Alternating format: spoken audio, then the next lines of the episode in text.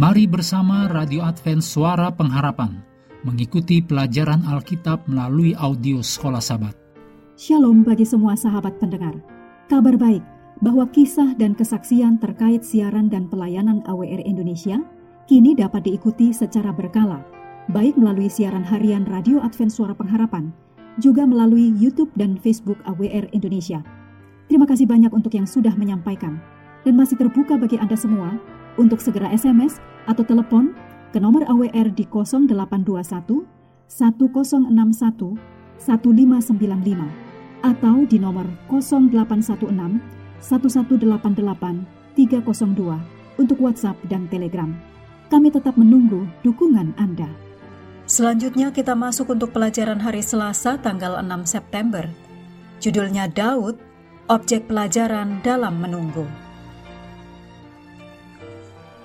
Mari kita mulai dengan doa singkat yang didasarkan dari Mazmur 103 ayat 8. Tuhan adalah penyayang dan pengasih, panjang sabar dan berlimpah kasih setia. Amin.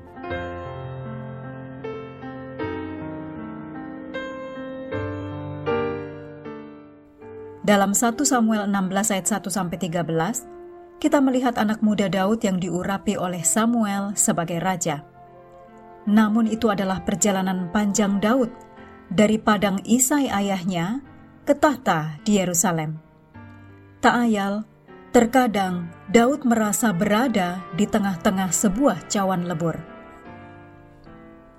Pertama, Daud muda dipanggil untuk memainkan musik untuk menenangkan jiwa Saul yang gelisah. Ditulis dalam 1 Samuel pasal 16. Kemudian Daud menjadi pahlawan Israel saat dia membunuh Goliat. Ditulis dalam 1 Samuel pasal 17. Lalu ada bertahun-tahun di mana Daud melarikan diri untuk menyelamatkan nyawanya.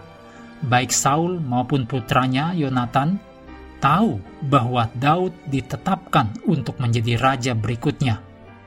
Demikian dicatat dalam 1 Samuel 23 ayat 17 dan 1 Samuel 24 ayat 20. Tetapi Daud tidak melakukan apa pun untuk mempercepat ketetapan yang diberikan Allah. Bahkan Daud tampaknya melakukan yang sebaliknya. Saat ketika Saul mencoba membunuhnya dan Daud memotong punca jubah raja, dia berharap dia tidak pernah melakukan hal seperti itu. Dicatat dalam 1 Samuel 24 ayat 5 sampai 7. Sekali lagi, ketika Saul mencoba membunuh Daud, Daud menolak untuk membunuh Saul ketika ada kesempatan. Dicatat dalam 1 Samuel 26 ayat 7 sampai 11. Dalam 1 Samuel 26 ayat 1 sampai 11 menguraikan mengapa Daud menolak untuk membunuh Saul, yaitu untuk menjamah orang yang diurapi Tuhan dan Tuhan sendirilah yang berkuasa atas hidup Saul. Apakah mati saat tiba ajalnya atau tewas dalam peperangan? Ini juga adalah prinsip yang diajarkan kepada kita tentang cara Allah mewujudkan rencananya bagi hidup kita. Berikutnya, 1 Samuel 26 ayat 12 sampai 25 mencatat bahwa ketika Daud menolak untuk membunuh Saul, itu sangat mempengaruhi Saul. Hal ini mengajarkan kepada kita tentang keuntungan menunggu Allah. Melihat keseluruhan perjalanan Daud menuju tahta, mungkin kita bisa merangkumnya dalam kalimat pendek. Jangan ambil apa yang belum diberikan Allah. Karunia Allah selalu paling baik diterima dari tangan Allah dan pada waktu Allah. Ini mungkin membutuhkan waktu menunggu yang sangat lama.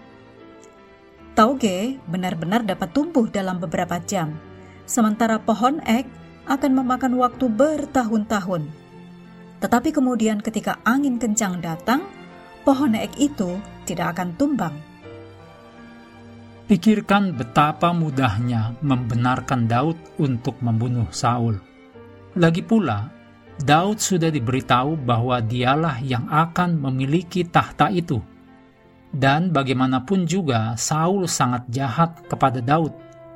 Namun, tindakan Daud menunjukkan iman yang sejati kepada Allah. Tariklah contoh dari peristiwa ini untuk diri Anda sendiri dalam apa pun yang mungkin Anda tunggu-tunggu.